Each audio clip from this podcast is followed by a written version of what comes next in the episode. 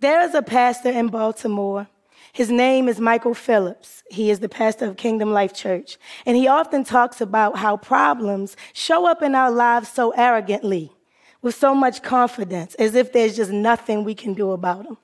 And the murder rate in Baltimore had been doing that year after year. It just kept showing up as this big thing that there was nothing any of us could do anything about. But the thing about Baltimore is that it has never been the one to just be defeated. So the story about the Baltimore ceasefire is that Baltimore looked the murder rate in the eye and said, what you're not going to do is snatch our greatness. So Two years ago, I'm at a 300 men march meeting. At the time, I was a leader in that movement. And this guy named Ogun, he's like a godfather of hip hop in Baltimore. He came over to me and he said, Yo, I have this idea about calling a ceasefire in Baltimore. And I feel like you are somebody I should talk to about that. And I was like, I'm absolutely somebody you should talk to about that because that's something we should do. And so, we played phone tag and meeting tag, and two years went by and we never really sat down and talked about it. So now we're in May of 2017. My son, Paul, he's 19 years old. He's driving me home from work one day, and he says, Ma, did you know that the murder rate in Baltimore is higher than it's ever been? And I said, What you mean is higher than it's ever been? How is that possible? Like, I mean, what about these people who say they have connections to the streets? Why won't they use those connections and call a ceasefire or something? And on and on I went from my own feelings of helplessness about what other people weren't doing. The next morning I woke up and I realized that what I was really angry about wasn't about what other people were, weren't doing. It was that I had heard this message years ago and I hadn't moved on it. So it was, it was about what I was supposed to be doing. So I got up and I'm going, okay, if we could just have three days where everybody in the city was committing, nobody is going to kill anybody and we're going to celebrate life instead. When can we do that? So it's May. I look at my calendar. I'm like, all right, I got some free time the first weekend in August. we're good. We'll do it August 4th through August 6th, right? So I'm all excited. I start driving to work. And the more I drive, the scarier I get. Right? And so I start going, never mind. I won't say this thing out loud. Nobody will ever know I was thinking it if I don't say it. But it wouldn't let me go because God loves to show up as us. And because I look broken and I'm always called to stand in my wholeness, there was a call on my life to say this thing out loud. And because my city looks broken and is always yearning to show up in its wholeness, there were hearts that morning calling all through my chest that people around this city wanted to do something great together. And people who had already been killed in my city were calling to me, up through my gut, in my chest, as a knot in my throat. Yo, E, you cannot just let us be dead in vain when you know how to say this thing out loud. And I responded to them with my fear. But somebody might get killed anyway that weekend. And that was the moment where I had to accept that maybe while we're out spreading this message, hey, nobody's going to kill anybody, we're going to celebrate life, maybe somebody will be plotting to take a life right then and there. But now they would have a rumbling in their spirits and so I knew it was time for my city to have a collective rumbling in our spirits. So I got on the phone. I got around the Ogun and I said, Yo, you said you wanted to do a ceasefire? What is it? I'm ready. So he said, You know, when I hear about like the Israelis and Palestinians at war, I'm like, oh, that's too bad. They should stop that. But when I hear the word ceasefire, that makes me pause and stop and really research what's going on. And he wanted Baltimore to get that same kind of attention from the outside, but introspection from the inside about what was going on with us. And we talked about how it couldn't belong to one person. Not one person or one organization should call a ceasefire. The whole city had to own it and do it together. So we had our first meeting in May. About 12 or 15 people show up.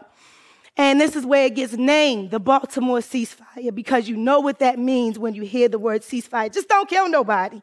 And this is where the Baltimore Peace Challenge was born because it's not just about not being violent, it is about being purposefully peaceful.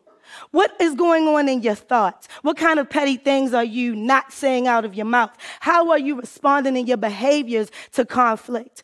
I grabbed up five people who I trusted, and the six of us became the organizing squad. So let's give them props real quick. On the count of three, I want you to yell squad. One, two, three, squad. And it's Shala's birthday. Happy birthday, Shala's.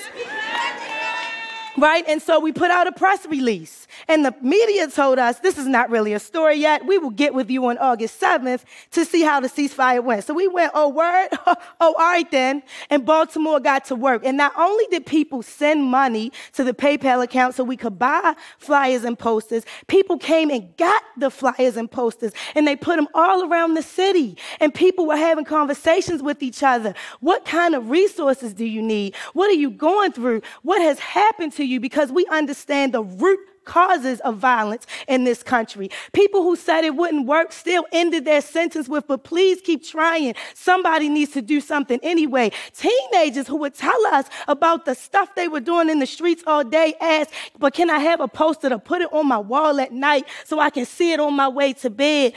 Gangsters were calling saying, I can tell you where violence is not going to come from because we're committing to the peace challenge. And they kept their word. When people said, oh, it's not going to work because somebody's going to kill over West or somebody's going to kill over East, we said that doesn't matter. It's about self determination, yo. You telling me you can't keep this three or six block radius safe? And they would say, oh, don't get it twisted. It's going to stay safe around here. And they kept their promise.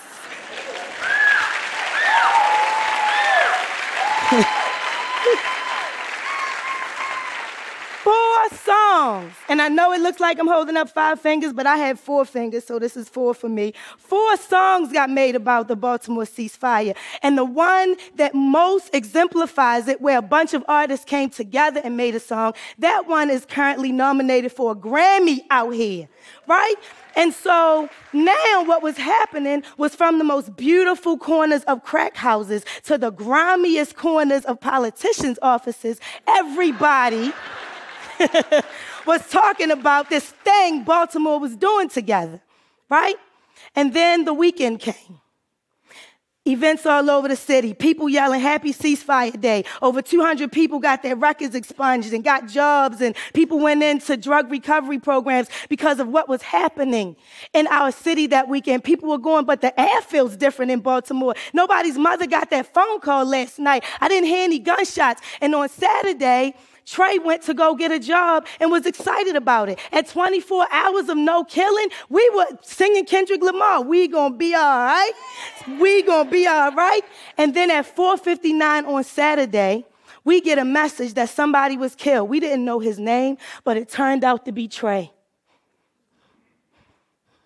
So we rushed over to Sergeant Street and we held hands in a circle and we looked at the pavement and we said, This is sacred ground because we make it so. Because everywhere in our city where people lose their lives to violence needs to be sacred ground. And it wasn't just about upholding Trey and his transition and sending love to his family.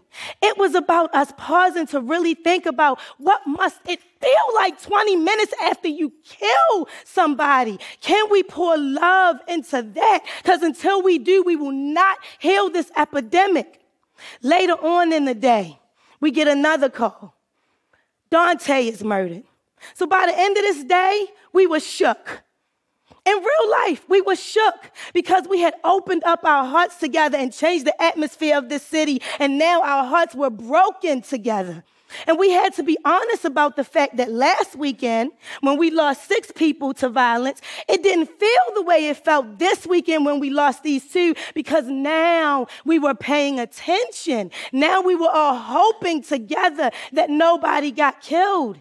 And so we had to make a vow with ourselves not to be numb anymore. When we lose people in our city, these two lives were going to remind us to vibrate higher and to move forward. So as we move forward into Baltimore ceasefire 365, because it's work that needs to be done all year, and there's another ceasefire happening next weekend, November 3rd through 5th. Mark your calendar. Right? And we expect the same thing. It was news media from all around the world, Australia and Norway and China. Everybody wanted to come get this work from Baltimore, and y'all could come get it right? So as we push forward, we don't need to keep asking now, what can we do? We have seen the power of collective consciousness. Y'all were the ones who misunderstood Baltimore. Y'all thought Baltimore was just the wire.